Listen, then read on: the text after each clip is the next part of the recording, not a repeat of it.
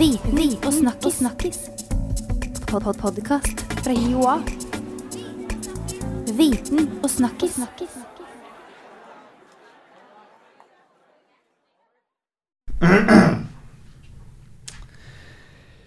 Katrine, vi, vi holder jo på med forskere her, og forskningsformidling i denne podkasten. Ja. Eh, men kan vi stole på, stole på disse folka som kommer inn her? Stole på forskningen deres, tror du det? Ja, vi gjør jo det. Altså, vi stoler på den, men det er et godt spørsmål. Vi, er det grunn til å ha tillit til at forskere gjør det de sier at de har gjort, og deler det de bør dele, og er ærlige og redelige? Ja, ikke sant? For det, De som er inne i podkaststudioet hos oss, de er jo hyggelige, joviale, fine folk. Så jeg stoler jo, sånn, når jeg møter dem, så stoler jeg på dem. Men det er jo kompliserte ting de holder på med. Ja. Det skal handle om eh, forskningsintegritet og fusk og snusk og ærlighet og redelighet i dag. Og derfor så har vi tatt med oss, som jeg jo pleier å gjøre da, en filosof som er ekspert på dette. Um, Elle Marie Forsberg, du er forsker 1 på AFI og leder forskningsgruppa for ansvarlig innovasjon og eh, forskning. Nei, hva blir det på norsk? Uh, ja, ansvarlig innovasjon, sier vi. Ja. RRI.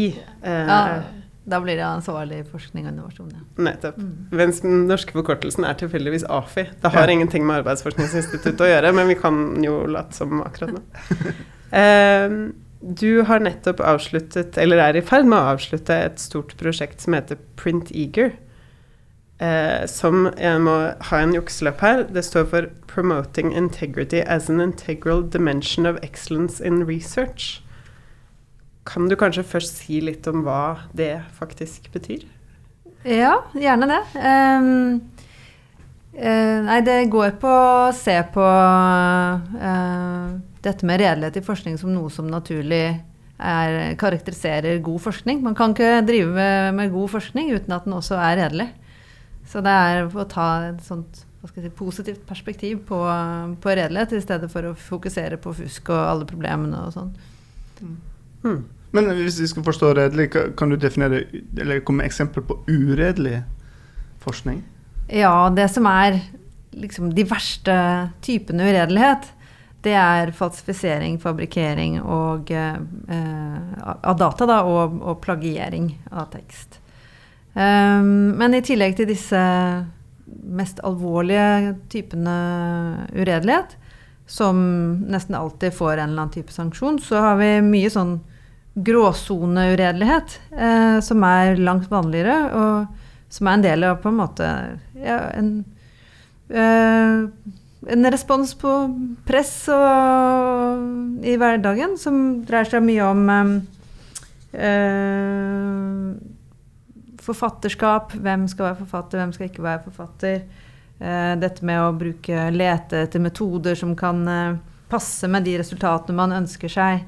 Det å tilfeldigvis ta og ikke ta hensyn til data som, som, virker rare, som kanskje ikke helt passer inn i forhold til hva man forventer, eller eh, at man skryter litt på CV-en sin. Sånne ting som er eh, også uredelig, men av en litt annen dimensjon da, enn å rett og slett fabrikkere data.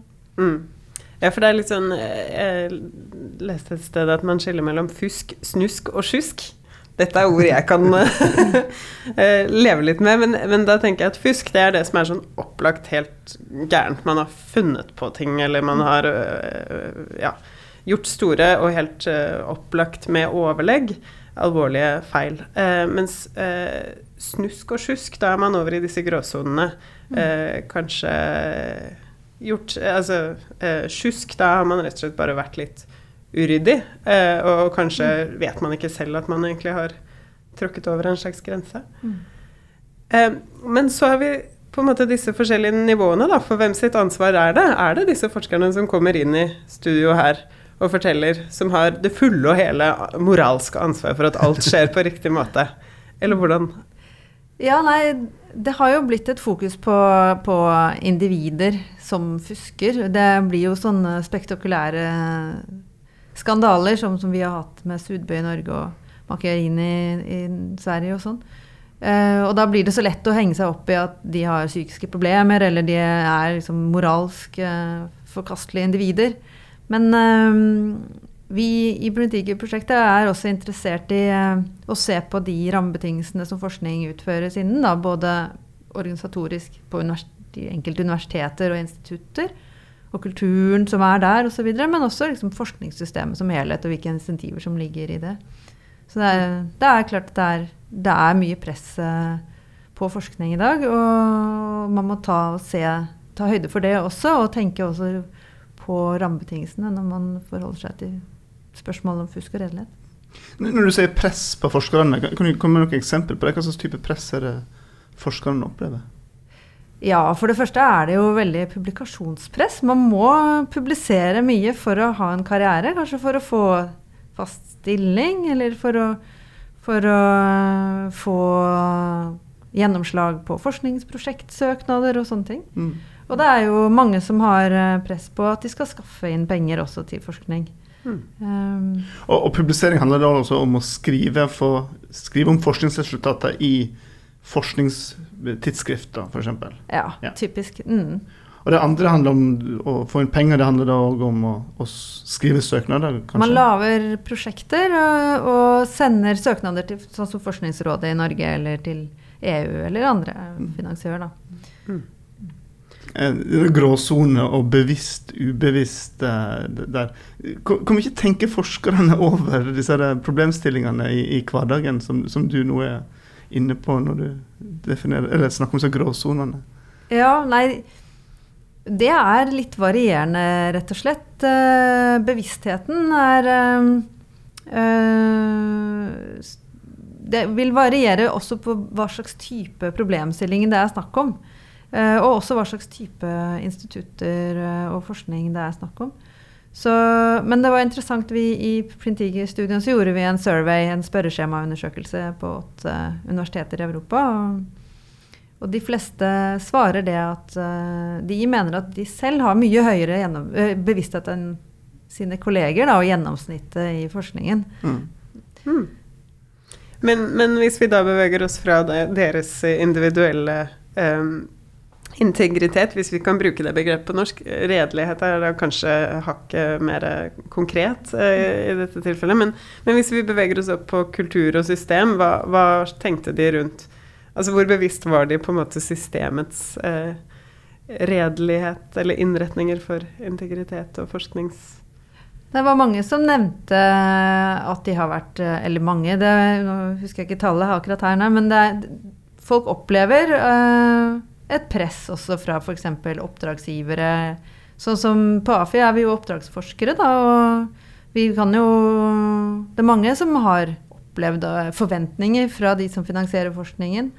Uh, om visse typer resultater eller innretninger. Og, og, det er det veldig stor bevissthet omkring på AFI, for nettopp fordi vi håndterer det i det daglige. Da. Mm. Så, men det er mange, som, eh, mange andre på andre felter for eksempel, som vil ha andre typer problemstilling, som f.eks. knyttet til eh, plagiering eller, eller eh, andre typer eh, mm.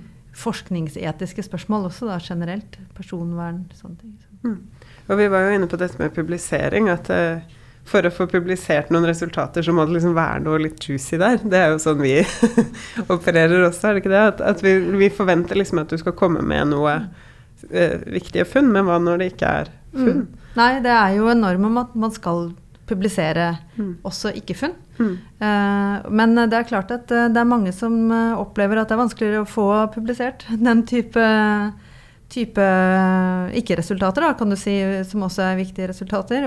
Også fordi at eh, tidsskriftene tar det ikke inn. Det er ikke så interessant for tidsskriftene heller, som også har et sånn press da, om at de, selvfølgelig i forhold til sine eiere, og at de skal ha høy impact, som det heter da, og mm. bli lest mye.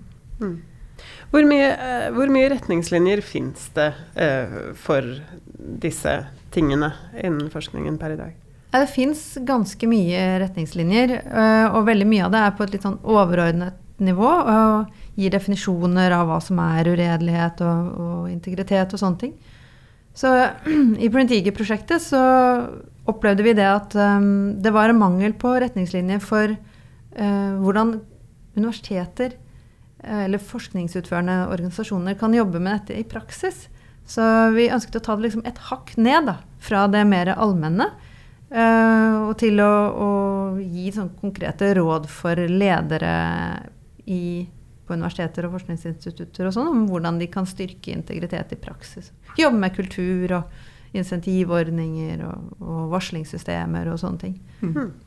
Så hvem spurte dere da? Hvordan gikk dere frem for å Nei, da ønsket vi, altså I Printigi-prosjektet hadde vi åtte partnere, eller har åtte partnere, men vi ønsket å forankre dette litt bredere. Så vi inviterte en rekke folk fra Europa, fra forskjellige deler av Europa. Forskjellige eh, typer stillinger, fra doktorgradssenter til professorer og instituttledere. Folk som jobber med som, altså sekretærer av forskningsetiske komiteer, de som leder forskningsetiske komiteer, de som håndterer uredelighetssaker i praksis satte dem sammen i en gruppe, et konsensuspanel, og, og diskuterte helt fra i fjor høst og frem til februar da, øh, alle mulige problemstillinger rundt hvordan man kan jobbe med å styrke redelighet. Og noe som da resulterte i 13 prinsipper, da, eller punkter for, øh, for organisasjonene. Mm. Dere har uh, utarbeidet dem gjennom en, det dere kaller en Delphi-prosess. Jeg ble litt nysgjerrig, så jeg måtte google litt når jeg leser sånne spennende ord. Og da skjønte jeg at det er liksom en metode for å nettopp komme frem til en slags Mm. konsensus om noe. Si Ja, det? nei, dette var jo et eh, svært internasjonalt panel, så, og vi hadde ikke mulighet til å møtes fysisk eh, gjennom prosessen. Så vi, eh, vi hadde tre runder med maildiskusjon av ja, helt fra starten av for liksom rammene for, for denne uttalelsen, og, og så mer og mer konkret på formuleringer. Og så møttes vi 7.2 eh, i Bonn i en sånn intens eh, endagskonferanse hvor vi eh, da skulle bli enige om alt det, vi, alt det som sto igjen, da. Nå ser jeg for meg en sånn svett møterom med en klokke som tikker. Eh, Ja, akkurat sånn var det også, bortsett fra at det var veldig flott møterom, for det var på Universitetet i Bonn, som er veldig sånn klassisk sånn uh, universitet med store oljemalerier og flotte lyskroner og sånn, men det var jo absolutt svett stemning, og det ble ikke noe lunsj på meg, for å si det på den måten. For klokka tre så skulle representanten fra EU-kommisjonen komme og, og høytidelig få overrakt disse eh, anbefalingene, så da vi kom akkurat i mål. Så bra. Og vi skal øyeblikkelig snakke om disse her, eh, denne lista, disse 13 anbefalingene. Men jeg kan si til de som hører på, at hvis, hvis en er interessert i dette temaet, så kommer jeg til å legge ut uh, lenke til, til uh, rapport og disse 13 punktene på, uh, på nettsidene til denne podkasten, sånn at da kan en gå inn og lese mer. Men, men eh, 13 Ja, du kalte det anbefalinger? Ja, Ja. eller ho hovedpunkter, da, hvor vi beskriver litt anbefalinger og hvordan man kan jobbe med de punktene. Mm. Og bare for å presisere en gang til, dette er da retta mot organisasjonene, ikke den enkelte forsker, Riktig. men organisasjonene som ansetter og har alle forskerne hos seg. Ja, og spesielt ledere da, i de organisasjonene. Mm. Ja, men la, la oss høre litt. Om, Hva, hva er det dere anbefaler for å ja, ha, Ja, ja. få kontroll over redeligheten? Eh, nei, vi anbefaler for det første å gi god informasjon. For, eh, denne spørreskjemaundersøkelsen vår viste jo det at eh, omtrent halvparten av ansatte på eh, disse universitetene, de, de vet ikke om eh, deres universiteter har retningslinjer på fusk og redelighet. Og det er jo mye, holdt jeg på å si. Så dette må man jo ta tak i og gi god informasjon. Mm. Og, og opplæring, veiledning i, i god forskningspraksis og, og risikofaktorer, og hvordan man skal forholde seg til det. Ja, fordi det eh, slår meg at forsker, det å være forsker er ikke en beskyttet tittel. Du trenger en mastergrad stort sett, minimum. Men, men vi vet vel Det er vel ikke noe sånn lisens, liksom, for å bli forsker? Så, så vi vet ikke helt hva, hva folk har hatt av ulike Nei, absolutt. Nei. kurs. nei. Så det, og det er anbefalingen også. Eh, det er å gi et undervisningstilbud eh, til alle ansatte på universitetene. Og ikke bare f.eks. ta det inn i doktorgradsutdanningen. Selv om det er viktig, så, så, må, så må alle som er, jobber med forskning, være til enhver tid orientert om forskningsetiske problemstillinger og, og, og problemstillinger relatert til, til fusk og, og redelighet. Da. Mm. Så, mm, men i tillegg til det så vi, snakker vi ganske mye også om kultur. Det å kunne ha en kultur for å diskutere uh, når man er i tvil. For det man vil i en forskerhverdag og et forskerliv, så vil man komme i situasjoner hvor man lurer på hva som er riktig. Det er ikke alltid det er helt klart. Og det er ikke alltid man føler seg helt trygg på at man har gjort det rette selv. Uh, man har kanskje vært i et team, og så blir man litt usikker på ja, har liksom denne professoren gjort det han skulle, eller og da er det viktig å ha en kultur hvor man kan faktisk snakke om det. Mm. Så og en åpenhetskultur, det er en viktig, viktig anbefaling. Men er ikke det det, noe av det vanskeligste? Altså Kultur er det her fine, flotte ordet som vi ofte kaster rundt oss. og Mm. Jeg tipper det sitter mye ledere rundt omkring og klør seg bak ørene og lurer på hvordan i all verden de skulle fått på plass en viss kultur. Ja. Nei, ikke sant. Nei, vi har noen anbefalinger om det, men det er ikke veldig detaljert. eh, Og det er, det er jo mange, mye lederstoff om å bygge kultur, da. Mm. Så, så det er jo sånn som de ulike lederne må finne sin vei på, og spesielt i og med at dette er en europeisk konsensusuttalelse, så er jo også kulturene veldig forskjellige egentlig i de europeiske landene. Og vi snakket ganske mye om dette med å bryte ned barrierer, hierarkiske barrierer i organisasjonene. At, at, at avstanden mellom en ph.d.-student og en professor burde eh, kanskje reduseres da, for å få mer åpen diskusjon, men det var ikke sånn helt klart at alle mente det var en god idé. Altså, de mente at disse hierarkiene var veldig viktige også, nettopp for å få klare ansvarsforhold, og at det, det var liksom klart at det er professoren som, eh, som setter standarden og, og sånne ting. Så, så der eh, Vi måtte jo, i og med at dette skulle lede til konsensus, så måtte vi justere på våre perspektiver alle sammen, vil jeg si, i løpet av Og det var en av de, da. Var det andre som også skapte eh, debatt? Ja, vi snakket litt om eh, dette med midlertidige stillinger. eh, og for det er det jo veldig mye av. eh, og eh, at det kan være uheldig i forhold til eh, å få et godt eh, arbeidsmiljø, og at folk identifiserer seg med organisasjonen. For det fant vi i denne spørreskjemaundersøkelsen, at faktisk godt arbeidsmiljø det legger grunnlag for mindre fusk og mer redelighet. Eh, men det var ikke alle som mente at det var egentlig aktuelt å anbefale mindre bruk av midlertidige stillinger. Fordi for det første mente de det var helt urealistisk å få til. Eh, og for det andre så mente jeg det var heller ikke noe bevist at eh, folk, forskere i midlertidige stillinger fusker mer enn fast ansatte. Så der, eh, Vi har nevnt dette med midlertidighet i denne erklæringen, men, men mer som at man skal være bevisst da, på at de som er midlertidig ansatte, også trekkes godt med inn i organisasjonen. Så ikke de blir sånne satellitter som opererer litt sånn for seg selv. Så at de også får på en måte en, en sånn kulturbevissthet. Eh, Ja, ja, Nei, akkurat. nettopp. Vi kan fortsette videre på lista. Det er 13 punkter totalt, men de, um, de første handler da om informasjon, åpenhet og liksom å bygge en integritetskultur, hvis det går an å oversette det til det. Um, og så er vi over på nettopp dette med arbeidsmiljø. Der syns jo selvfølgelig Arbeidsforskningsinstituttet at dette var gledelige nyheter. eh, Ja. At arbeidsmiljø faktisk er preventivt, eh, kanskje. Mm. Kan du si litt mer om det? Liksom, hvordan, hvordan fant dere ut det? Nei, vi, det var i denne mm, spørreskjemaundersøkelsen så stilte vi ganske mange spørsmål omkring arbeidsforhold, og så relaterte vi det til hva folk eh, fortalte om de hadde eh, kjente til noen som hadde fusket på sin eh, i sitt nærmiljø de siste tolv månedene, da. Så det vil typisk være på sitt institutt. Og da fant vi at der hvor de rapporterer om høy trivsel, så er det mindre. Så eh, Nei, og det gir jo mening på mange vis. Altså, Der hvor man er godt integrert, så blir det færre sånne ensomme ulver som sitter for seg selv og fabrikkerer data. Og, og det blir sterkere normativ kontroll kanskje også. Liksom, at det, det er ikke greit for, hos oss.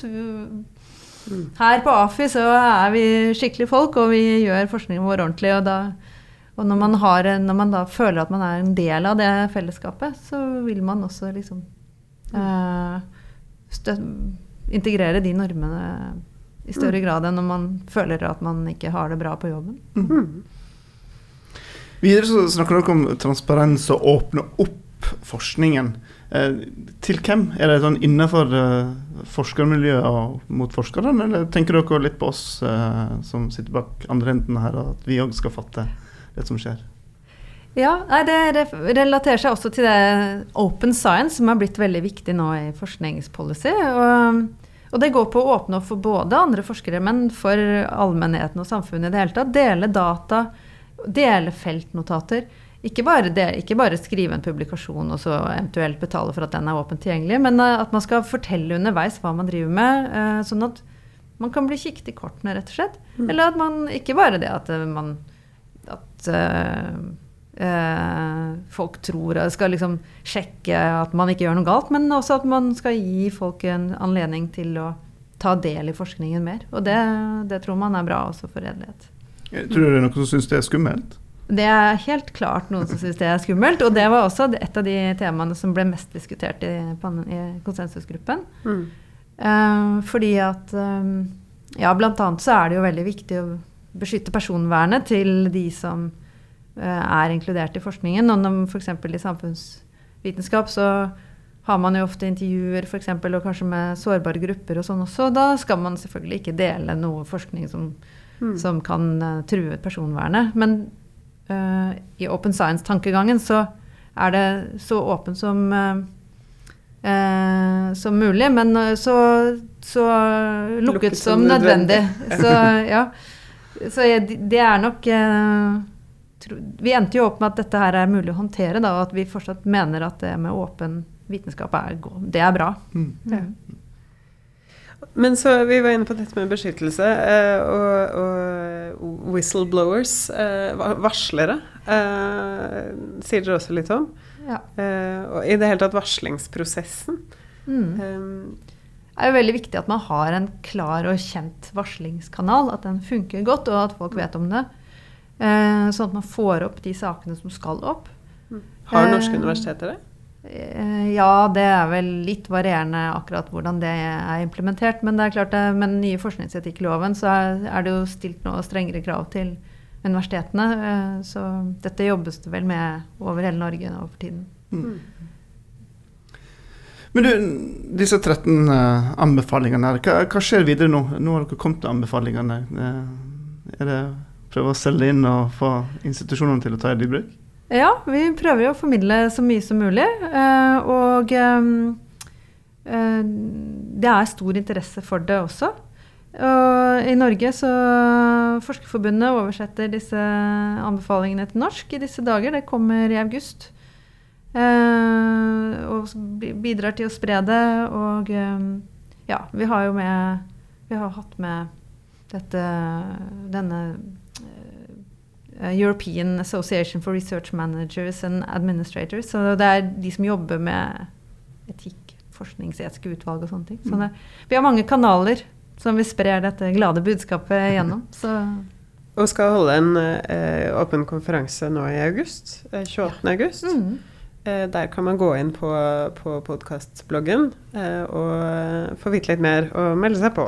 Ellen Marie, tilbake til det vi begynte med, om, om vi som ikke er forskere kan stole på det forskningen og det vi får, blir fortalt. Hva, hva tror du? Kan vi stole på det? ja, man kan stole på forskningen eh, generelt, men ja, man skal jo alltid ha et, kri et kritisk blikk på det man blir presentert. Da. Men eh, vi gjorde en uh, spørreskjemaundersøkelse som jeg nevnte, og der Der spurte vi om eh, de altså kjente til fusk som var gjort eh, av deres kollegaer de siste tolv eh, månedene. Og når det gjelder disse mest alvorlige typer fusk, så var det rundt 2% som kjente til det i, på disse åtte universitetene i Europa. Og når det gjelder mer sånn gråsone-uredelighet, eh, så er det fra sånn 3% til en ja, 7% som eh, noen ganger ikke tok meg ubeleilige data. Eh, Mest var det Mest eh, forekommer det rundt forfatterskap. Altså Noen ganger så tar man med en forfatter som kanskje ikke egentlig burde være det, eller noen får blir ikke satt opp som forfatter selv om de skulle. Men det går jo ikke nødvendigvis på tilliten, tilliten til forskning, da. Det Mm. går jo mer på hvordan, hva som er rettferdig internt i forskningen. Så, så sånn sett så, så er, står det ganske bra til med forskningen. Og det står også litt bedre til i Norge enn andre steder, så vi kan jo være fornøyd med det. Så jeg tror nok generelt sett så skal man eh, Så, så er, gir forskningen eh, go- god og nyttig eh, kunnskap. Mm. Men hvis man jobber med forskningsledelse på noe som helst vis, så bør man gå inn og lese disse 13 mer utfyllende punktene eh, i artikkelen deres, og se om det ikke kanskje er noen ting det går an å forbedre i systemet rundt. Mm. Alle kan helt klart gjøre det. Mm. Så det jobber vi med her på Oslo Met. Veldig bra. Ja, Skal vi si takk for i jeg tror jeg vil runde av der. Ellen Marie, tusen takk for at du ville komme i studio. Veldig og hyggelig. lære oss om dette her re redelighet, uredelighet-biten. Jeg jeg skal prøve å være enda mer sånn kritisk og, til all forskning. Det er sikkert sunt uansett, tror ikke du, Katrine? Helt sikkert veldig sunt. Husk, sjusk og snusk. Takk skal dere ha.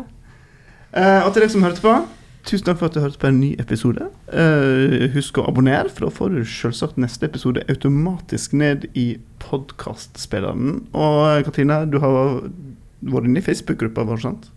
Jeg eh, har vært inne i Facebook-gruppa. Nå skal jeg ta et bilde av eh, oss nå, og så Ja. kan man gå inn der og se eh, hvor vakre vi er. Ja, i det, i det nye, vakre studiet vårt, blant annet. Da ønsker vi deg en videre god fredag. Viten og snakkis. snakkis. Pod -pod Podkast fra Joa.